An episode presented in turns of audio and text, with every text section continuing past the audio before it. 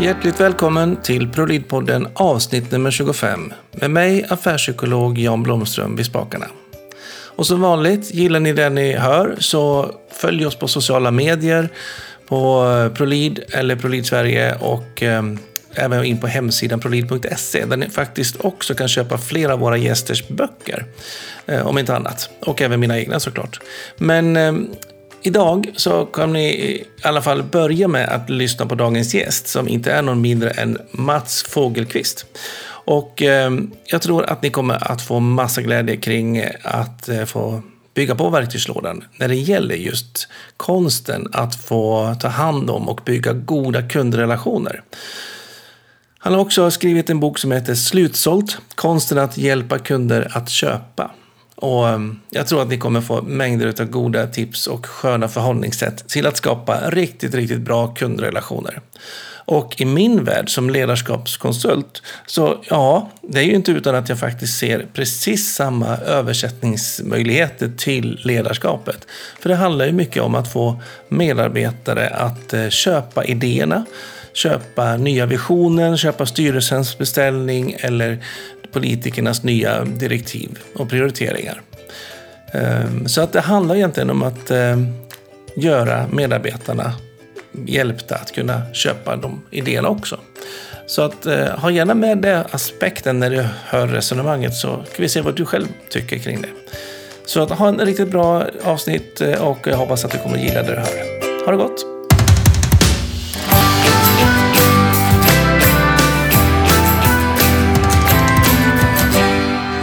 Ja, hjärtligt välkommen till ProLid-podden säger jag då till Mats Fogelqvist. Tack Jan, kul att vara här. Vad bra att vi fick till det. Du jobbar ju då på ett företag som heter Crossfell AB, eller du har det själv, så att eh, du utgår därifrån har jag förstått. Ja, det stämmer bra. Så jag grundade Crossfell för ja, fem och ett halvt år sedan ungefär. Det här var bra. Kan du berätta lite vad, vad, det, vad, du gör på den firman och vem, vem du är? Så gärna. Eh, ja, vem är jag? Man brukar börja med att berätta vad man gör. Eh, mm. Och så får vi komma till kanske personlighetstypen lite senare. Då. Det är typ svensk, svensk variant där. Precis, du får sätta diagnos på mig sen. Sån här är du. Ehm, började som mikrobiolog för herrans massa år sedan. Tänkte jag skulle bli forskare. Ehm, gick sen vidare efter ett antal år, fem, sex, sju år. Eh, hoppade in i industrin istället. Började sälja laboratorieutrustning utrustning till sjukhus. Ja. Och jag tyckte det var, en, eh, det var väl en uppenbarelse för mig det här med att, att, att, sälja. Jag trodde inte jag var någon säljare. Jag tänkte jag skulle bli applikationsspecialist men sen så jag blev fascinerad av själva säljprocessen i sig. Liksom. Vad är det i eh, den som går igång nu?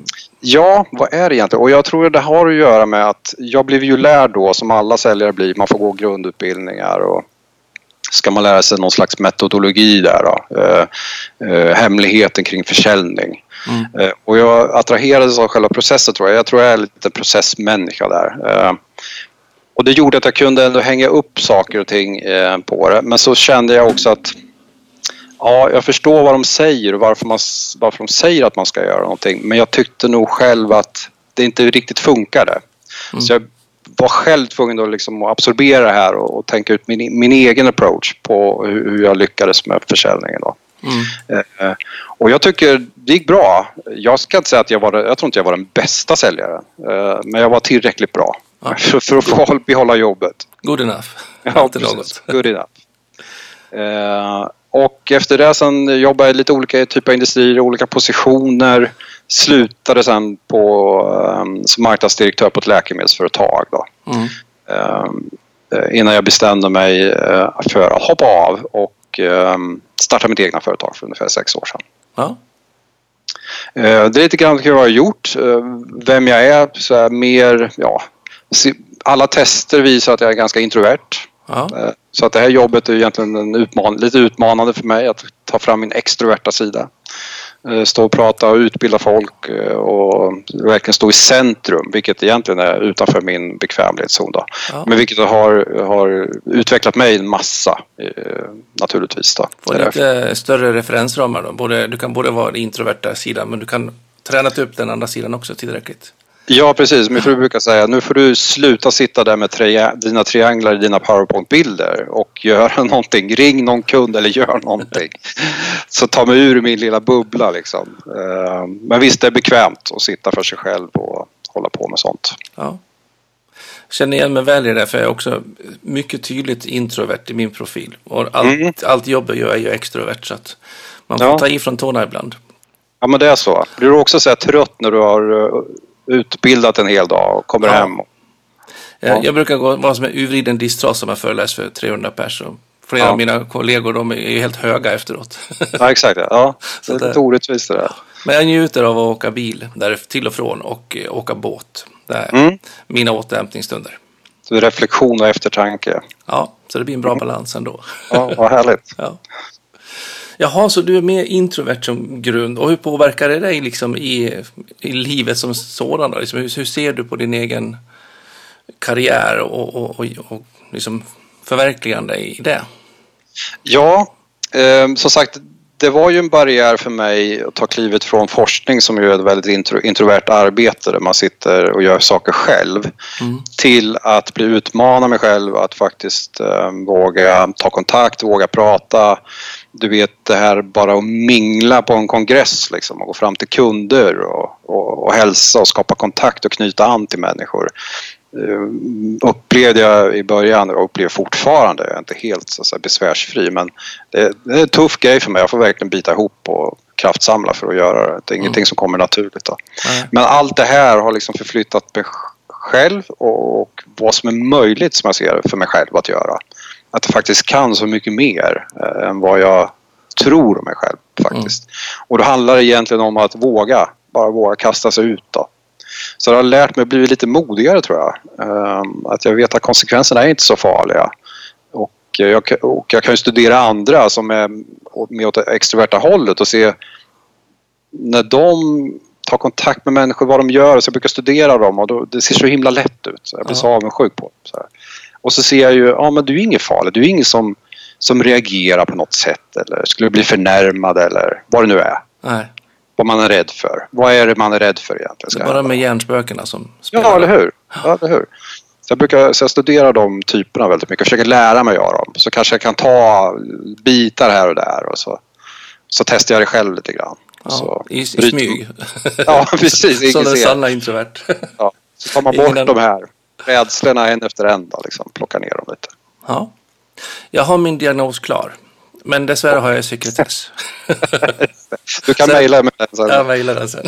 Ja, det är Ja, bra. vad kul. Du, ehm, sen tänker jag då att du, du gick då på den här säljutbildningen där någonstans och, och mer nördade in på själva säljprocessen. Försökte göra om det till din. Och eh, det har jag förstått att du har eh, försökt att formulerat. Så att du har Precis. skrivit en bok som heter Exakt, ja. Slutsålt, konsten att hjälpa kunder att köpa. Ja.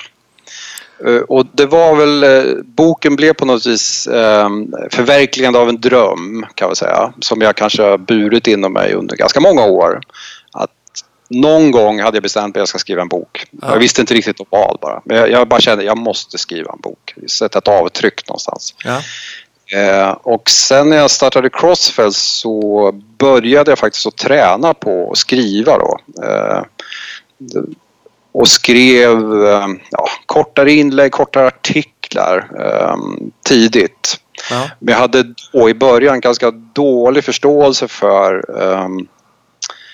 känner jag nu då när jag ser i bak, backspegeln så här, vad egentligen är det jag vill säga? Vad, vad är mitt liksom? Vad är, jag, vad är det för budskap jag vill komma med här?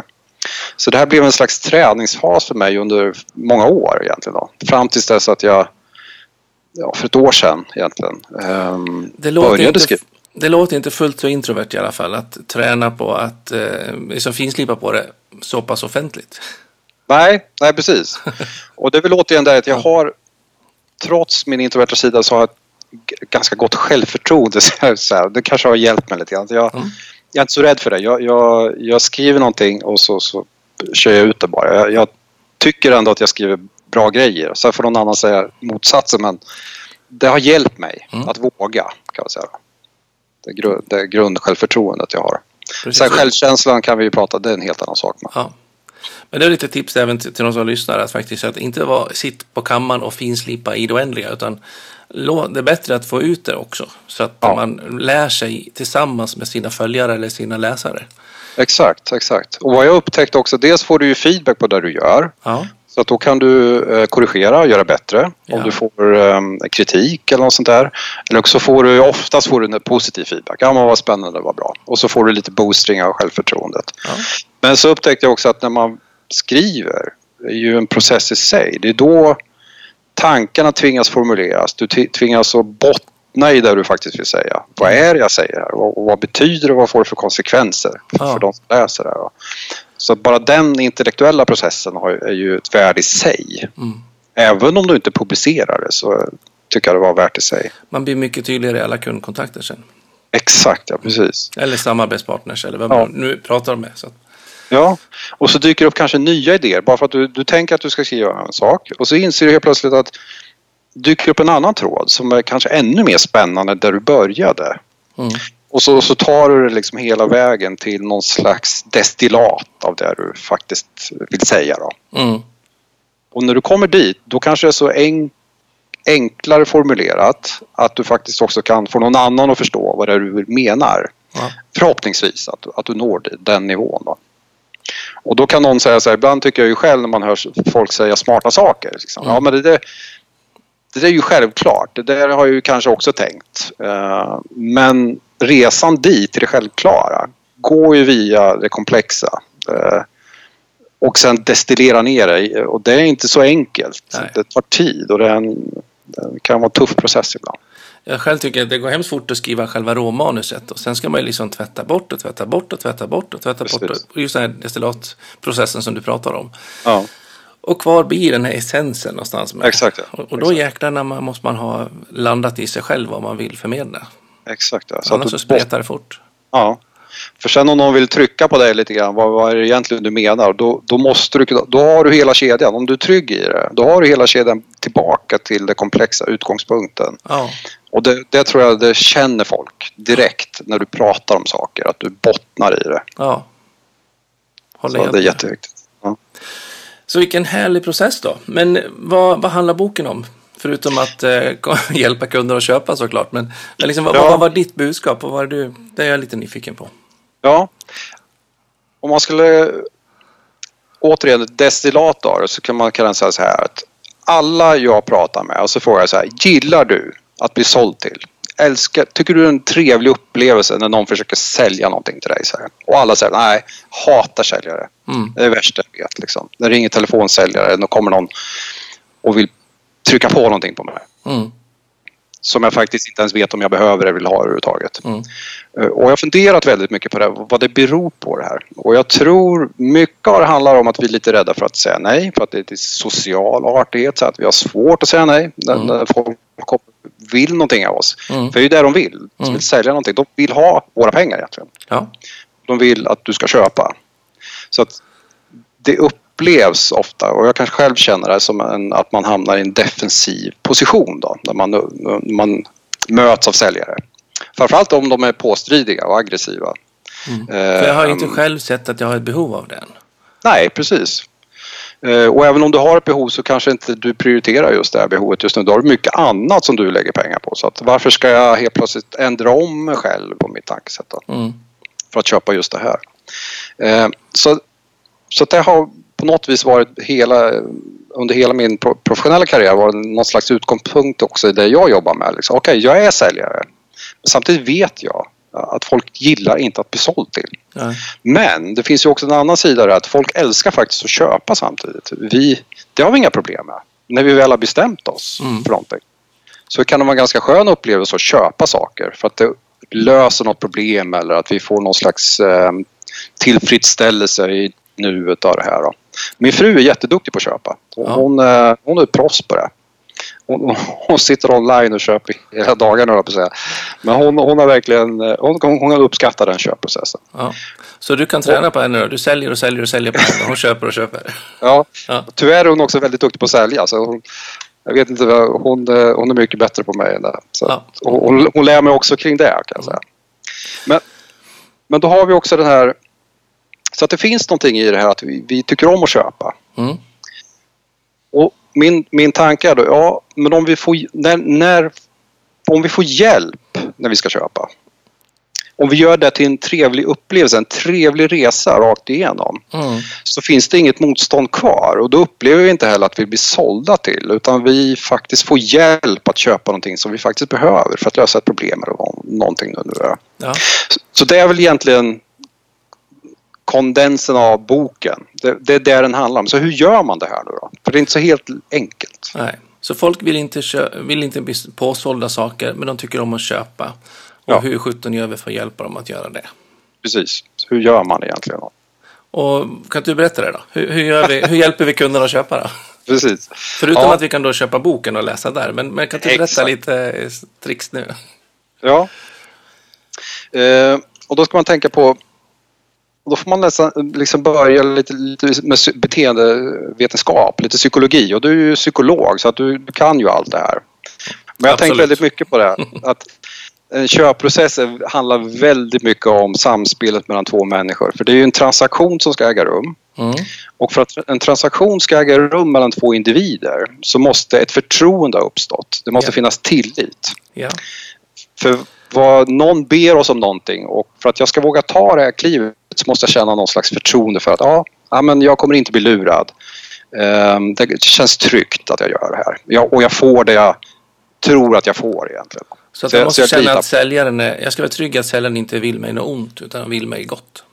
Precis, han vill mig väl. Mm. Å andra sidan säljaren då, ska jag också känna någon slags tillit till dig som kund? Ja, men kommer du kunna betala? Har du pengar? Har du råd? Kommer jag hamna i något problem? Är du en gnällig kund? Tar jag någon risk med att göra affärer med dig? Och så vidare. Så det är ett ömsesidigt samspel här Ja, så, som pågår. Och då kommer nästa fråga. Så här, ja, men hur vinner vi tillit då? Hur vinner vi förtroende för andra människor? Eh, och då har vi ju eh, har läst mycket kring eh, anknytningsprocessen som ju utvecklades på 50-talet av en engelsman, John Bowlby. Ja. Eh, och han, men han beskrev ju egentligen anknytning mellan mor och barn. Och framförallt vad som händer när det, när det går fel i anknytningsprocessen. Det får ju massa ödesdigra konsekvenser för barnet. Då. Mm. Men den här teorin då, som han, han, han formulerade att vi alla har en förmåga inom oss att knyta an till andra människor och det är ju det som innebär att vara människa lite grann. Att vi, vi är ju flockdjur och vi är familje och sociala djur. Ja. Eh, Den eh, kan man flytta över också i andra sammanhang när vi knyter vänskapsband eller när vi träffar folk egentligen. Då. Mm. Eh, På, på en fest eller vad det nu än är så har vi ett spel som, som, vi, som vi går in i. Då. Och det man nästan alltid gör där är att leta efter gemensamma beröringspunkter. Ja, exakt ja. Och vi, för vi försöker automatiskt att knyta an. Vad kan vi knyta an till du och jag? Ja.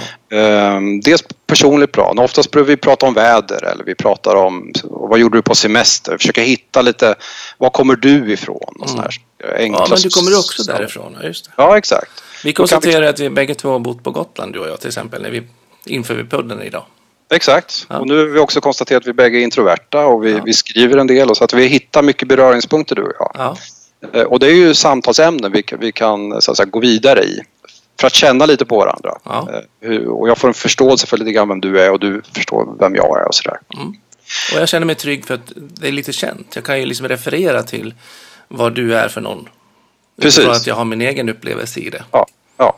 Och, och då sänker vi garden lite grann. Mm. Så det är inte så konstigt att vi när, vi, eh, när jag är på säljmöten att jag man försöker alltid bryta isen lite grann.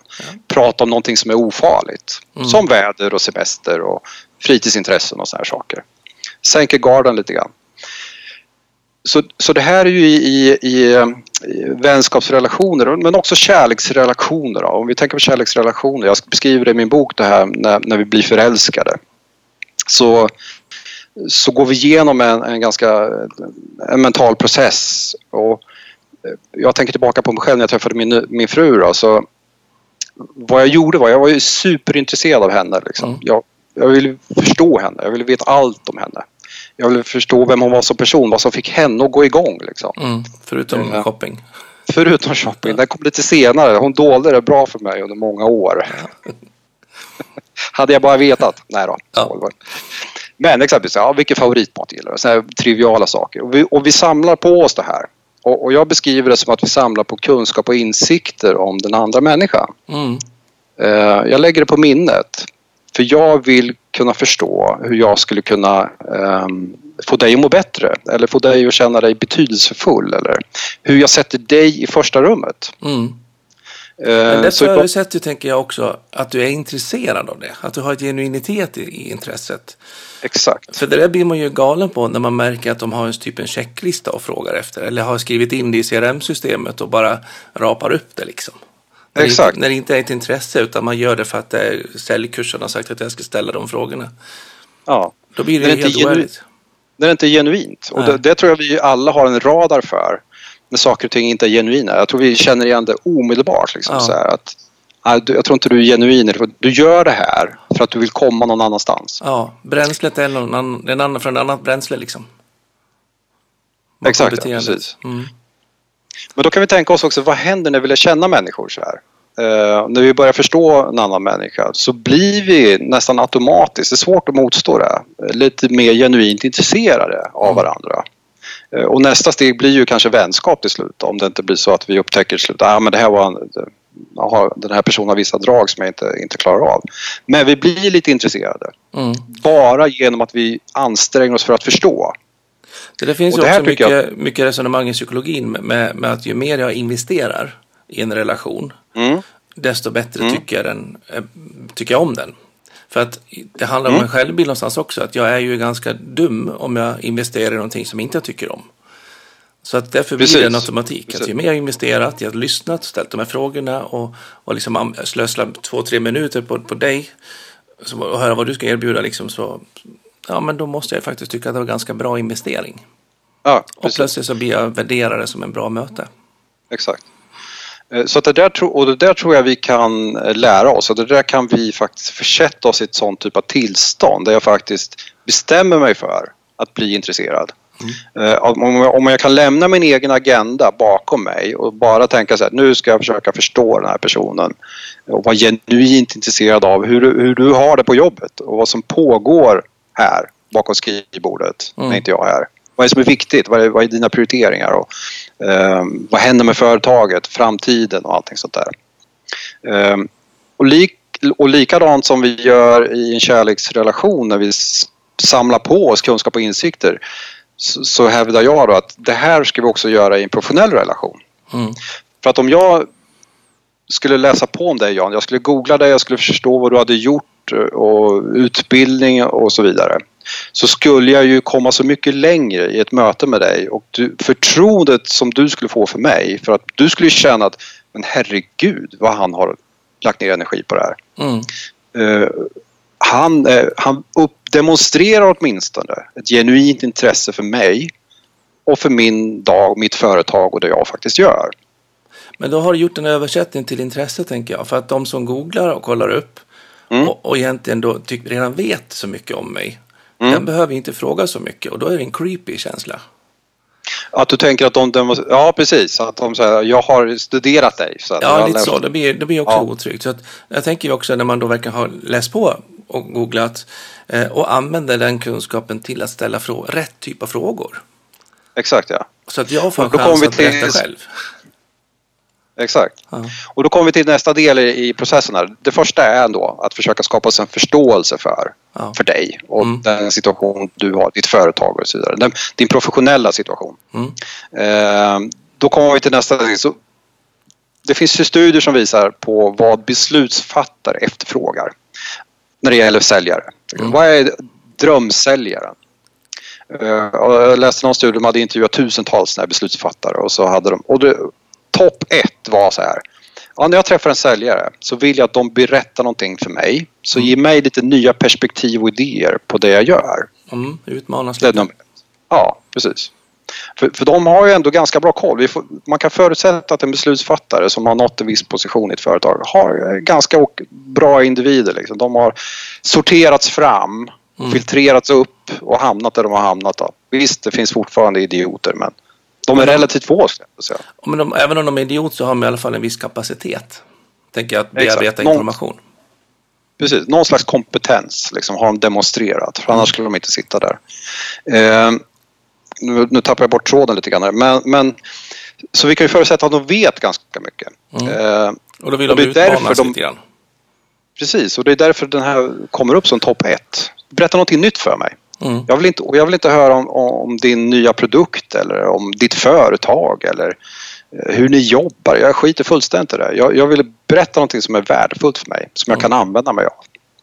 Eh, och det här kan man ju göra på många sätt. Vad jag brukar göra, jag, inom mitt område så finns det också väldigt mycket studier kring säljstrategier, organisation och det finns hur mycket som helst att läsa på kring forskning kring det, kring det här området. Mm. Så jag brukar försöka hålla mig uppdaterad, läsa på och när jag hittar någonting som, som jag tycker, ja men det här var ju intressant. Mm. Det här tror jag att den här personen faktiskt skulle kunna tycka vara värde. Mm. Så är det sånt, antingen så kan jag skicka det så här, du har du sett den här artikeln? Och så skriver jag någon slags, det här skulle man kunna använda till det här, någon slags konklusion eller vad det nu är. Ja. Eller så kan jag använda mig av det när jag träffar den här personen. Vet du vad? Har du, jag vet inte om du är medveten om det, men och så berättar jag någonting som är förankrat i någon slags vetenskaplig studie. Mm. Men jag har ju redan gjort mitt förarbete då, så jag vet ju lite grann mer att det här är intressant mm. för den här individen i den positionen de sitter i och där de jobbar med. Så att jag har liksom ökat sannolikheten för att jag får, får liksom, eh, napp om vi kallar det så. Och jag tänker också att du ökar sannolikheten till att få mig att känna att, jag, att du vill mig gott. För du mm. kommer med tips, du länkar över en artikel eller någonting. Så att du, du träffar mig inte bara för att kränga grejer. Nej. Och jag tror att du är medveten om, om vi träffas i en säljar-köparrelation, så vi vet vad vi har för roller. Så ja. att, att det är inget som det, men det är inte bara det som är anledningen. Nej. Exakt. Det precis. finns ett mervärde och en, en, en atmosfär runt det som, som är ett. Det kan vara att vi inte får någon affär den här gången. Det kanske blir nästa år. Nej, precis. Och jag tänker alltid långsiktigt i de relationer jag försöker bygga med, med kunder att eh, oftast är det långa säljcykler ändå så att eh, jag har tid på mig att bygga den här relationen. Så varför stressa? Mm. Och jag tänker så här att det, det klassiska eh, och som fortfarande är väldigt vanligt förekommande det är ju det här du ska alltid gå för avslut. Du ska alltid be om affären. Ja. Det är någonting som jag också fick lära mig eh, när jag började en gång i tiden. Eh, men det tror jag bland det mest det dummaste du kan göra, i alla fall initialt, i en, tidig, en tidigt skede i en uppbyggande av en relation med en kund. Mm. För då återigen är du där du, du försöker sälja någonting och du försöker verkligen tvinga mig att ta ett beslut. Mm. Och det, det kommer bara leda... inte färdig. Ja. Du är inte långt ifrån färdig. Mm. Eh, och, så det enda det gör är att du, du tvingar in mig i hörnet och jag tvingas säga nej eh, till slut. Och så kommer jag inte säkert att ta emot dig för det upplever det som obehagligt. Att, nej men han, bara, han är så aggressiv så att eller hon. Men, eh, men däremot i det läget, även om det är tidigt, så kan man väl vara ganska tydlig med att säga att jag kommer att göra en förfrågan om du vill köpa sen. Men vi är inte där än. Absolut, du är ju säljare så att det är klart att du har någonting att sälja. Ja, så att man, är ja. ganska, man kan ju vara ganska proaktiv tänker jag i att, att driva fram att jag förväntar mig ett, ett ställningstagande men att vi behöver inte ta det nu. Ja, nej absolut. Mm. Och det är liksom så här, sänka barriärerna också för, för, för, att, för att låta relationen skapas. Så ska inte det komma i vägen i alla fall. För att när väl det är etablerat en relation och att det finns en genuitet och du, köparen känner sig trygg med dig. Mm. Då, då har du alla möjligheter i världen att ställa den frågan. För då känns det inget obehagligt för någon. Nej. För då kan ju du till och med vara lite utmanad. Nej, men hallå där, liksom. nu har vi hållit på med det här i tre månader. Är det inte dags nu? Liksom? Precis. Kan man nästan vara så rätt fram? Ehm, men det krävs att man har gjort jobbet rätt från början och att det finns en, en stark koppling mellan de här två personerna. Att relationen håller liksom? Ja, den håller för det. Mm. För det är, lite, det är lite som jag brukar säga, det är lite som att sätta in pengar på banken. Du sätter in ett förtroendekapital egentligen. Det är där du börjar med att sätta in första mötet så sätter du in pengar på banken. Mm. Och du fortsätter att sätta in. Eh, och till slut så tar, gör du ett uttag egentligen då, genom att just kanske inte tvinga fram men uh, kanske trycka på lite extra. Att, mm. men hallå, nu är det väl dags ändå. Ja. Att våga utmana dem lite grann. Mm. Att inte sitta där snällt och vänta på att de ska lägga en beställning. Nej. Och det är samma där. Det finns ju, jag vet inte, det finns ju många säljmodeller nu som börjar poppa upp. En populär heter ju Challenger Sales. Mm. Um, och den går ju, om man har läst vad den handlar om lite grann i stora drag, så handlar det om att du måste utmana kunden eh, mm. för att få dem att, att ta, ta action. Mm. Och jag beskriver också här i min modell, ehm, fast jag, den kommer in lite senare i min process ska jag säga. För att när du väl är framme och börjar utmana så måste du ha pengar på banken om vi säger så för att ja. kunna göra ett uttag. Det. Och för att ha förtroendet för att kunna utmana. Mm. För, för om du skulle bli utmanad Jan av någon, någon främling någonstans, men hallå, så där kan du inte se ut. Liksom. Visst, du, jag tror inte vi skulle uppskatta det så mycket. Vem är du att komma här och utmana mitt sätt att jobba, mitt sätt att tänka? Mm. Inte poppis. nej, så att Men däremot kan man ta en liten genväg och det är faktiskt be om en beställning. Är det, skulle du vilja att jag ger återkoppling hur det ser ut? mm, Ah, Absolut. Jag har tänkt lite grann.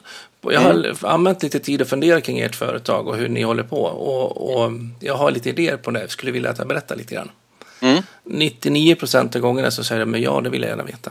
ja, Och då har man ju skaffat sig, skaffat sig det här mandatet. Mm, absolut. Och man kan till och med säga, okay, vill ni att jag ska vara superkrass eller ska jag vara halvkrass? Mm, så får de hålla taktpinnen på, på vilken typ av feedback vill de ha. ja. Och jag tror nog Jan, som du och jag, man har hållit på med det ett tag, så lär man sig det här lite intuitivt också. Ehm, hur hårt kan jag gå? Eh, och när är det dags? Liksom? Mm. Du känner det liksom i kroppen lite grann. Eh, och vad jag försökte kanske göra i min bok är väl att kanske formulera det här eh, på ett tydligt sätt. Så att om man nu är ny eller om man har kämpar med det här försäljning, att det går inte så bra. Så, Ja. så kan man också genom att få insikter om hur vi faktiskt fungerar som människor, hur faktiskt en sån här process ser ut, så kan du applicera den på ditt sätt sen. För alla har vi vårt eget sätt att, att göra saker Ja, till slut. verkligen.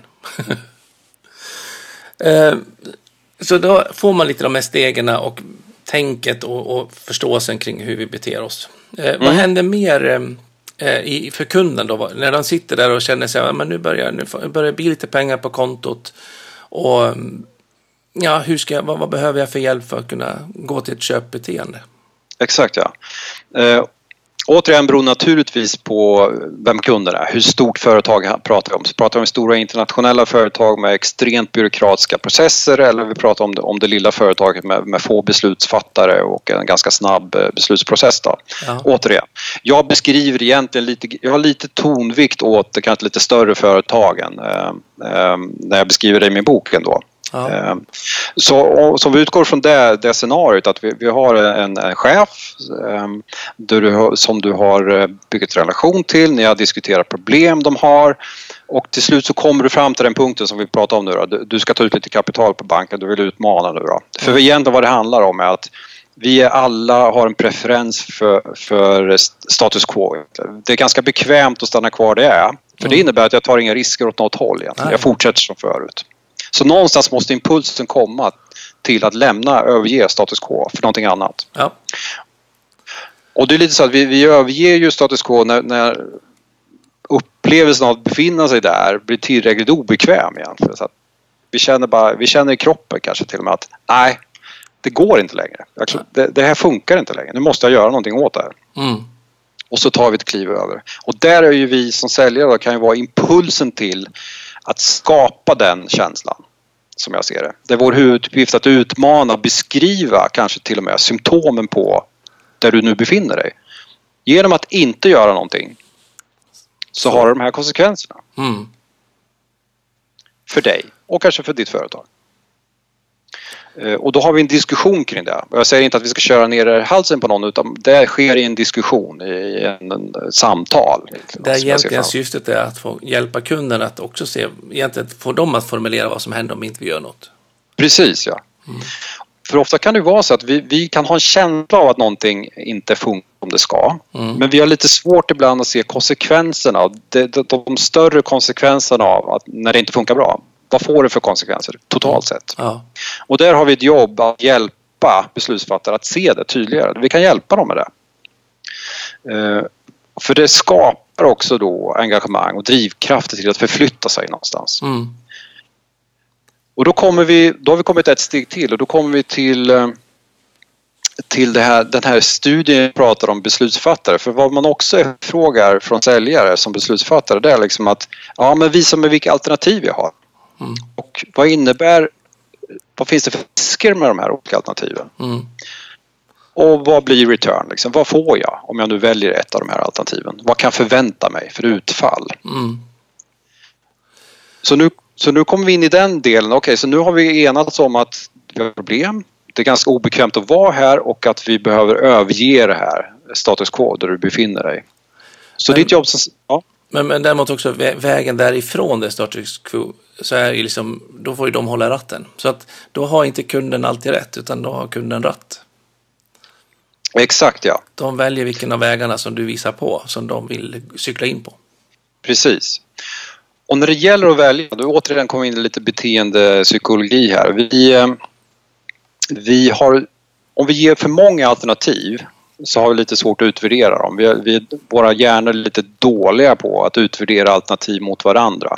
Eh, För vi gör någon slags intuitiv riskbedömning av de här olika alternativen direkt, Mm, mm. spont- spontant. Då. Eh, Så jag brukar säga liksom, ja, men, men samtidigt vill vi ha mer än ett alternativ, och jag pratar affärsmässigt nu då, för att vi ska kunna utvärdera mot något i alla fall. Ja, Eh, och status quo kan ju vara ett alternativ. Ja, men du kan välja med att inte göra någonting. Då får du de här konsekvenserna. Eller du kan välja att göra det här och då får du de här positiva konsekvenserna. Då. mm. Eller kanske till och med en tredje. Och är du lite smart då så kan du också inkludera här, brukar jag säga. Så, ja, du kan gå med mig. Ja, men du kan också välja någon annan utbildningskonsult. Ja. Men om du väljer mig så kan jag garantera det här i alla fall. ja precis. Och det gör att vi sänker återigen ribban till att eh, för, en, för att ta ett beslut. Okej, ja, jag ser ändå att jag har alternativ men det är klart att jag väljer dig. För vi har ju pratat om det här nu i ett halvår så jag känner mig bekväm med det. Så att du tar det- inga risker där skulle jag säga. Och den säljare som till och med vågar visa på fördelarna, eller vissa fördelar som även konkurrenten har, Ja, ja. den, den är också mycket coolare. För det är ju så Jan att om inte du gör det, om inte du visar på fördelar och nackdelar med konkurrenten så kommer den processen att göras automatiskt av kunden själv. Ja, Det är inte säkert att den blir lika bra eller den kanske blir mer positiv i Ja. värsta fall. och det är vad- inte bra du, för oss. Nej, om du hade gjort det. Mm. Så att här tjänar vi på att vara transparenta i de alternativ som ändå finns. För, för om du bara ger ett alternativ så kan du ge den på att när du går ut därifrån så kommer de att sätta sig och googla eller vad som helst. Vad har jag för alternativ nu? Finns det fler här? Jag måste ändå kolla upp det. Och idag så är ju inköp kräver ju nästan tre offerter på, Ja. på varje sak. Så. Ja, så du hamnar där i alla fall. och då kan man lika gärna vara där och hjälpa och, och snitsla banan kring det. Ja. Och, och ge i alla fall sin bild utav det. Ja, precis. Ehm, och när vi har kommit så långt då, låt oss säga nu att det här går bra. Ehm, har du otur då så har vi ju beslutsprocessen att ta, ta del av internt. Mm. Det vill säga att den här beslutsfattaren du nu och ni, ni är överens. Men det pågår ju säkert massa andra saker i det här företaget. Massa andra projekt, massa andra initiativ. Som det här ska konkurrera med. Exakt, som kostar tid och pengar. Ehm, så att den här personen du nu kanske ska dra det här i en ledningsgrupp, kanske ska skicka in en powerpoint-deck till något beslutskommitté eller vad det nu skulle kunna vara Ja, för att få pengar och få budget för det. Eh, Så, så återigen, för att hjälpa, då, eh, hjälpa den här personen att köpa så blir det nästa uppgift att förse då den här personen med ett beslutsunderlag egentligen. Då ja, på det sättet som det här företaget nu arbetar. Så den naturliga frågan att ställa, så vad behöver du nu för typ av beslutsunderlag för att det här ska tas igenom organisationen? precis. Och så har man en diskussion kring det. Och det blir ditt jobb som säljare att se till att göra det här. Mm. Att, Så att det blir du- enkelt för den chefen. Ja, exakt. Du hjälper. Och dessutom så säkrar du att det blir rätt information i dokumentet. Mm. Eh, För om du överlåter på, på kunden själv att göra, dels har de pressat med tid så det kommer säkert inte bli lika bra eh, om det blir något överhuvudtaget. Eh, Och så ökar risken för att det blir ett avslag när det kommer upp i ledningsgruppen eller vad, vilken väg det nu ska gå. Ja, Så att här kan vi göra jättestort eh, arbete med att eh, hjälpa både oss själva men också hjälpa, hjälpa kunden att faktiskt köpa det du föreslår. vet du vad jag ofta har börjat göra på slutet? Nej? Om, om frågan ska tas upp och diskuteras vidare i ledningsgrupp och sånt där så kan det vara lite svårt att den chefen ska liksom äga hela förklaringen på design eller upplägg eller hur man nu tänker sig. Ja, precis. Eh, Så då brukar jag ofta rekommendera, och nästan alla säger ja till det, att eh, man spelar in en liten film som man skickar över. Ja, Jättebra idé. så spelar de upp det inne på, i ledningsgruppen. ja, Och, och då har jag dels kontroll på, på att designen presenteras med mina ord. Mm. Eh, Att jag kan förklara tänket och att de andra också bygger en relation med, med mig som konsult. Mm. Eh, Där man kan visa lite bilder och förklara hur man tänker och hur man lägger upp det. Absolut, det är supersmart. Två, tre minuter bara och sen så kan, räcker det. Jag ska notera den själv tror jag. Så det, och eh, kör man Mac och sånt så finns det ju med programvara i, i leveransen så att det är skitlätt att göra det. Ja, ja, herregud ja. Lite träning så kan man göra ganska coola sådana där saker så att det ser riktigt proffsigt ut också. Och det går fort. Ja, eller hur? Ja, det är Hemskt smidigt och proffsigt. Så att. Ja. ja, jättebra idé. Och ger hemskt bra effekt för att det blir så pass mycket enklare för, för ledningsgruppen att liksom kunna ta ställning till ett relevant förslag. Att, Mm. att man inte liksom, man tar bort ett antal felkällor på vägen. Sen kanske Mm. inte det är det de vill ha och då ska de ju inte ha det ändå. Men, men att det blir i alla fall mer äkta ända fram till de som fattar besluten. Exakt ja, precis. Så där kan ni gärna prova, Massa- ni som lyssnar också. Testa, prova, kör film. Det, är skitcoolt. Ja, precis. Och det handlar om att sänka den upplevda risken med att, att vi går med, med ja nu. Då. Vad, vad, för det kan finnas massa förutfattade meningar som du kan reducera bara genom att visa dig själv på en video. Att ja, men det här verkar vara en trevlig kille. Det är klart Ja. vi ska, klart vi ska gå Eller tvärtom. tvärtom. Hyra in en stand-in eller något sånt där. Ja. Som tar alla de där Ja, det får vara det. Ta in skådespelare. Ehm, men nu om man tänker då, få dem att skriva under nu då? Vi vill att Mm. de ska signera kontraktet eller göra beställningen, lägga orden. Ja. Hur får man dem att ta det sista liksom, steget? Ja, det här är ju det värsta av allt tycker jag. Det, när man har kommit så här långt och man känner att nu är det bara det sista kvar. Det formella, får den här inköpsordern liksom. Eh, och där har jag väl inga så konkreta bra tips att ge. Jag känner lite grann när det, när det har dragits till ledningsgrupp och när jag får bekräftat från, från min kontaktperson att ja, vi ska ha det här nu. Ja, Så vet jag att det kommer att ta ytterligare tid innan det här har tröskats igenom. För jag jobbar med jättestora företag. Så ja. det tar en stund till innan allting är på plats. Mm. Eh, Men då har jag kommit så långt så att då känner jag mig ändå trygg eh, att det faktiskt kommer att bli någonting tills den här inköpsåren kommer. Men det kan ta en månad till innan jag får den. ja. Jag vet, jag vet inte Jan om du har någon annan upplevelse att när du kommer så här långt att, att, att det riskerar att gå dig ur händerna ändå eller? Alltså saldot på banken räcker ju långt, tänker Mm. jag. Mm. Eh, Så att man har, man, man har ganska bra känsla för det där med att, man, att relationen håller för att det vi har sagt kommer faktiskt att bli. Mm. Eh, Men sen är det ju också att man, man har andra maktfalanger mellan andra projekt och, Ja. och andra chefer sitter med relationer kanske med, med, med andra, vart i andra processer med andra konsulter eller vad det nu kan vara. Exakt. Eh, Så att visst kan hända saker eller att plötsligt så blir det ett stopp för att det är ett annat bu- budskap som går i organisationen. Ja.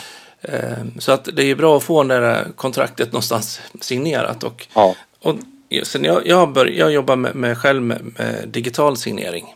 Ja. Eh, Och det tycker jag har ökat den frekvensen rejält. Just det. För att då är, är man överens och så skickar man över det eller kollar av verkligen vem är som har mandat att, att signera. Just och så är det hemskt enkelt och snabbt att skicka över så att de har det fem minuter efter vi har pratat. Eh, och sen så kan de bara klicka och returnera med. På Ja, men det är ju-. Ja, det är superenkelt också. Hjälp, återigen så hjälper du dem. Ja, att gör liksom det göra- enkelt. Ja, precis. Sänk, sänk trösklarna Ja. för att få det här igenom organisationen. För när man ska skicka över förut, skicka skicka på brev och man ska liksom, så kommer det till dem i deras posthög och sen ska de, att liksom, jag har ju ingen kontroll på att hur jag kan hjälpa dem att faktiskt plocka fram just mitt brev i högen. När de springer Nej. mellan möten. Precis. Men här Nej, kommer det- rakt in. Så att digital signering har varit ett jättelyft tycker jag själv. Mm. Just att få underlätta kunderna att få... För, för de vill ju också komma till skott. Men de har ju en verklighet ofta som är ja, tät och springande, stressig och Ja, man vill det- ju ta det sen och sen ja, är det borta. Ja, många bollar, bollar i luften för dem att, att jong- jonglera med. Ja. I, i, I mitt fall så är det lite mer omvänt att jag, jag signar deras kontrakt. Så att det ofta kommer det någonting från deras legalavdelning som jag, som jag själv då ska signa på. Så jag, jag tvingas att vänta in. Jag kan tyvärr inte driva det som du gör här Nej, i ditt fall. jag har några sådana också och de, de får man ju snälla, snälla sitta och vänta. Precis. Men oftast kommer ju den här känslan av att det inte kommer gå. Den kommer för min del när jag har kontakt med kunder um, mycket tidigare. Där, vi, där jag kanske känner att ja, men det gick bra. Vi är på gång. Vi börjar eh, involvera olika beslutsfattare i den här processen. Och sen dör det. Ja, Eh, Så att jag hinner aldrig komma så långt som till ett, kanske ett formellt beslut. Eller, ja men vi håller på att titta på det här, vi ska träffas nästa vecka igen och diskutera det igen. Ja, återigen det här igen.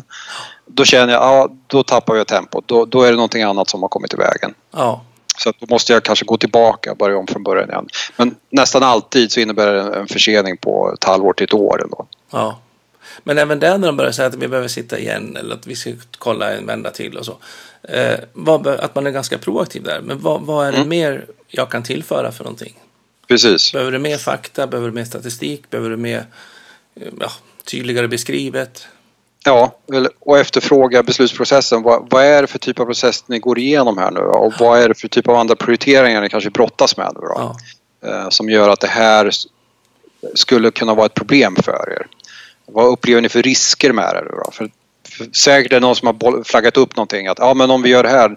Vi hade ju precis det här projektet förra månaden. Ska vi verkligen göra det här nu? Liksom? Ja. Våra säljare är ju trötta som de är, överlastade med, med grejer. Så att, Låt, låt dem sälja liksom. Precis, ska vi verkligen utbilda dem igen? Eh, Så allt sånt här, farhågor som kan komma upp. Och, och, och du kan proaktiv, vara proaktiv med det redan tidigt. Mm. För att det, det kommer att komma förr eller senare. Så att ju tidigare du kan vara proaktiv i det, desto bättre ska jag säga. Och sen också tycker jag att, som, som jag, när man ser, eller hör att de har mycket att göra och mycket andra projekt och de ska in, in, sjösätta några nya system eller vad det nu kan vara så att de ska gå Mm. på utbildning för det. Att, att också, när man är den själv som, som föreslår att men du, vi tar och väntar lite grann, vi skjuter på, det, här, på införingen av det här. Ja, Så att de får möjlighet att få liksom fokusera på det andra först. ja, För det blir liksom bättre. När kunden känner att man inte är den som vill trycka in för att jag ska få fakturera just den här månaden. exakt, exakt. Det, det har ju också vunnit att, att de får en känsla av att jag vill dem väl. Ja. Så, så jobbar jag också, Jan. Jag brukar oftast fa- faktiskt föreslå att ibland kan det vara så här att ja men vad var bra, då, ska vi, då kör vi liksom hela gruppen, 20 personer vad det. Och så brukar jag ändå säga, väl medveten om realiteterna att ja, visserligen skulle vi kunna göra det, men är det inte bättre att vi börjar med den här lilla gruppen? Ja. Och så bygger vi det här stegvis istället för jag vet att ni kommer att ha massa annat att göra. Eh, för mig är det viktigare då att, att börja någonstans. Om det är en helt ny kund så börjar jag hellre med litet. Mm. För jag vet att, att det kommer att bli bra. Så att jag vet att jag kommer att få det andra i alla fall. Mm. Så istället för att gapa över hela kakan så föreslår jag själv en mindre bit av kakan. Och det är som du säger, det upplevs ofta väldigt genuint, positivt och jaha, vad, det är ju smart det där, säger de då. Ja men det, Ja. det är ju klokt liksom. Ja. Det är klart vi ska göra så. För även de är ju ibland, framförallt vissa personligheter, är ju otroligt optimistiska och, och Mm. kanske entusiasmerande i och med att ja, nu äntligen, men nu kör vi och man vill så jäkla mycket och man kanske är ny på jobbet och man ska visa sig stark. Och, Exakt, exakt. och så vet man kanske då själv att ja, men du, du sväljer mer än vad du gapar för mer än vad du kan svälja. Precis, ja men så är det. Eh, Min erfarenhet det här med att få dem att just skriva under. De som Mm. skriver under det är egentligen de som sitter med magkänsla. Mm. Att den där leverantören, de har fattat hur vi har det och vad vi vill. Mm.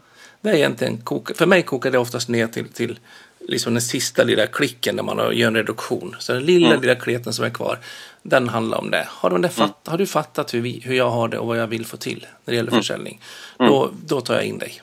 Mm. Det är den jag skriver under hos. Ja, jag tror du är helt rätt. Och sen vad vi ska göra, det blir underordnat. Mm. Visst, det handlar väldigt mycket om den trygghetskänslan. Ja. För Och att vad vi du- någonstans gör armkrok i det. Ja, för vi, vi, vi kräver ganska mycket, ett ganska st- stor grej vi kräver av våra kunder, att de ska hoppa in i samma båt med oss. Så här. Vi kanske inte har haft en arbetsrelation för de kanske inte vet vad du går för. Nej. Så att det är leap of faith heter det på engelska. Jag vet inte om det är någon bra svensk, svensk översättning på det. Som de ändå tvingas att ta. Och, då, och då, då går vi tillbaka till lite magkänslan. Vad har jag för grundmurad känsla för den här personen då? Ja. Alltså därför är det så viktigt att börja i rätt ände. Så om, för om du hade börjat dag ett från att kräva, kräva en affär eh, så kommer du inte dit. Du kommer Nej. aldrig kunna bygga det. Då får man bara en liten fjärt om det så att man ens får Ja. något. Exakt, exakt. När de väl har skrivit under, dealen är klar, Mm. vad gör du då? Precis. Vad jag gör... Dra till eh, nästa i- kund. Ja, om så Sorry. väl borde. Det finns ju den sån här eh, Pareto-regeln som gäller också för, för, för försäljning. Att, att 20 av kunderna står för 80% av eh, din omsättning. Mm. Eh, och jag lever mycket med det att som jag sa, jag kanske går in med en liten kaka. Väl medveten om att jag har mycket mer tjänster att erbjuda och eh, min erfarenhet är att kommer jag väl bara in så kommer jag bli återanlitad och få mer och mer business liksom med den här kunden om jag sköter mina kort rätt. Mm. Eh, så vad jag gör är oftast att jag, jag föreslår tillsammans med kunden, men det kommer ofta från mig att okej, okay, så nu, nu gör det här projektet tillsammans. Så föreslår jag att vi utvärderar utfallet på de här parametrarna. För det här jag, vet jag viktiga parametrar, att det går rätt, att det blir bra. För blir det bra här så kommer vi också kunna räkna hem en vinst i slutändan av, i mer försäljning eller vad det nu är för någon parameter vi tittar på. Ja. Så jag brukar oftast vi sätter upp sådana KPI, Key Performance Indicators gör jag. Jag gör också eh, frågeformulär för att utvärdera, kanske inte, inte bara mig själv och insatsen, vilket jag också gör, men också kompetenshöjningen som jag ändå står för. Mm. Har, har vi lyckats förflytta folk här nu då, någonstans? Det. Så det är ett helt batteri som jag sjösätter när jag börjar, eh, börjar med en kund. Eh, och sen tar mina projekt ofta slut efter ungefär fyra månader. Så, så utvärderar vi och så skriver jag en slags eh, rapport kan man säga på det, jag, det vi har ja. gjort tillsammans. Som blir ett slags underlag för beslutsfattarna för att se, okej okay, nu köpte vi av den här killen, Crossfell, ja. och det här är utfallet. Mm. En slags det är inte riktigt objektivt men en slags objektiv sanning kan vi säga. Då. Ja, i alla fall en variant av sanning. Ja. Och det här dokumentet då, det går ju vidare då, för min, intention är det kan ju skickas vidare internt inom organisationen, det kan skickas till andra länder inom samma företag. Mm. För jag ser ju det som min så att säga, referens mot att få fler affärer med det här företaget. Då. Ja. Plus att jag också blir en slags kvalitetsstämpel på, på det jag gör och att jag är noggrann med att följa upp och också nå de målen som jag sagt att vi ska nå. Mm. Återigen liksom där genuiteten och, och viljan att förbättra. Det, nu kommer vi till beviset lite grann. Men det här blir ju hela tiden. För det första så är det ju att man skickar en jättetydlig signal att när du har skrivit under så kommer du inte bli lämnad ensam, kära kund. Utan mm. då står jag vid din sida och håller armkrok och vi går hand i hand genom vad det nu är för någonting. Precis. Och sen också att det blir en, en, referens för dig, ja det är väl en sak. Men det blir också en referens för kunden, så det blir verkligen ett win-win. Ja. Och är det ett win-win, då, kommer det nästan alltid generera till ett fortsatt samarbete i någon form. Ja, för det är ju så de som har tagit beslutet, de som köpte dig, liksom, de mm. personerna. Mm. De vill ju inte göra en dålig affär. De vill ju kunna visa upp till sina chefer att det här var bra. Jag ja. tog ett bra beslut genom att ta in Jan eller ja. vem jag nu valde. Um, så absolut, det stärker liksom hela den positiva cirkeln där. Och de högre cheferna vill ju också få cred för att titta vad bra att jag lät dem göra vad de ville. Mm, så att det blir verkligen många vinnare på det. Plus att de lättare också kan sen prata med sina kollegor. Att det här gjorde vi och det här blev utfallet. Ja. Så att vi hjälper dem ju även den vägen. Och om du gör det här på ett standardiserat sätt. Jag har, jag har ett standardiserade frågor och standardiserade kopior och sådär. Vad jag gör är också att jag bygger min egen ganska stor referensdatabas till slut. Där jag faktiskt kan avidentifiera det. För jag visar aldrig mina kunders resultat för någon annan kund. Men jag kan avidentifiera det och visa aggregerat vad jag mm. faktiskt har lyckats åstadkomma med andra klienter. Eh, när jag jobbar. Så att det blir någon slags del av min införsäljningsprocess kan vi säga. Ja. För det finns alltid någon som frågar efter med lite mer datamässiga punkter. Då. Och då är det väl samma sak som, som att skriva boken och kondensera den. Att eh, man kanske inte behöver vifta med den till alla kunderna, men den finns där och man blir hemskt tydlig och man kan brodera ut när det behövs. Ja, för, för och min erfarenhet är att förr eller senare i processen, den kommer lite senare den här, den här delen när man vill se på kanske lite mer hårda, hårda variabler. Då. Eh, det är alltid någon chef högre upp som vill se, se någonting. Ja. Så, så, så, får jag så här mail, ja, vi behöver något, liksom, lite referenscase eller någonting sånt där. Och då, och då har jag det färdigt och då ja. kan jag skicka det och jag vet att det är solitt. Liksom. Eh, och då tar det bort den barriären. Okej, okay, då återigen stärker förtroendet för mig. Att ja, han vet vad han pratar om, han har gjort det förut och det ser bra ut. Ja, vad spännande. Hörru du, eh, den bästa, allra, allra bästa tipset att hjälpa en kund. Om du slutar med en sista sån, vad ska man tänka på när man är företagare eller ledare, jobbar med någon typ av försäljning? Ja, jag, vi har varit inne på det flera gånger. Jag försöker göra mina kunders liv så enkelt det bara går. Ja. Jag tar på mig så mycket jag bara kan av det här jobbet det innebär att köpa köpa mig. Ja. Så, så gör, bara, gör livet bara, enkelt? Ja, gör det enkelt. Gör det enkelt det bara går för dem. De ska inte behöva känna att det är ansträngande. Det ska kännas lätt. Det ska vara som en dröm att köpa grejer av dig. Ja. Gud vad smidigt det var att handla av Jan. Liksom. Det var en mycket trevlig upplevelse. Ja, den har bara toppats en gång och det var när vi handlade om Mats. Ja, precis. Ja, kan vi sluta fjäska på varandra. Exakt, ja. Det var otroligt spännande att få ta del av dina resonemang. Och vill man lyssna och läsa mer så läser man din bok Slutsålt konsten att hjälpa kunder att köpa. ja, gärna det. Om man vill få kontakt med dig och, och resonera mer med dig, var får man tag på dig någonstans? Ehm, lite sociala medier, medier eh, finns på LinkedIn, Mats Fogelqvist. Ehm, finns på Facebook, finns på Twitter och eh, på eh, Instagram, gubevars. Ehm, men man kan söka på Mats Fogelqvist där. Eller så finns jag på min egen hemsida crossfell.se. Där finns det mer information. Suveränt. Och vill ni fortsätta lyssna på ProLid-podden så följer ni med på prolid.se eller på våra sociala medier också, ProLid Sverige. Tusen tack för idag, säger jag till dig Mats. Ja, tack själv Jan, jättetrevligt. Kanon, tack, hej. Ha det bra. Hej då.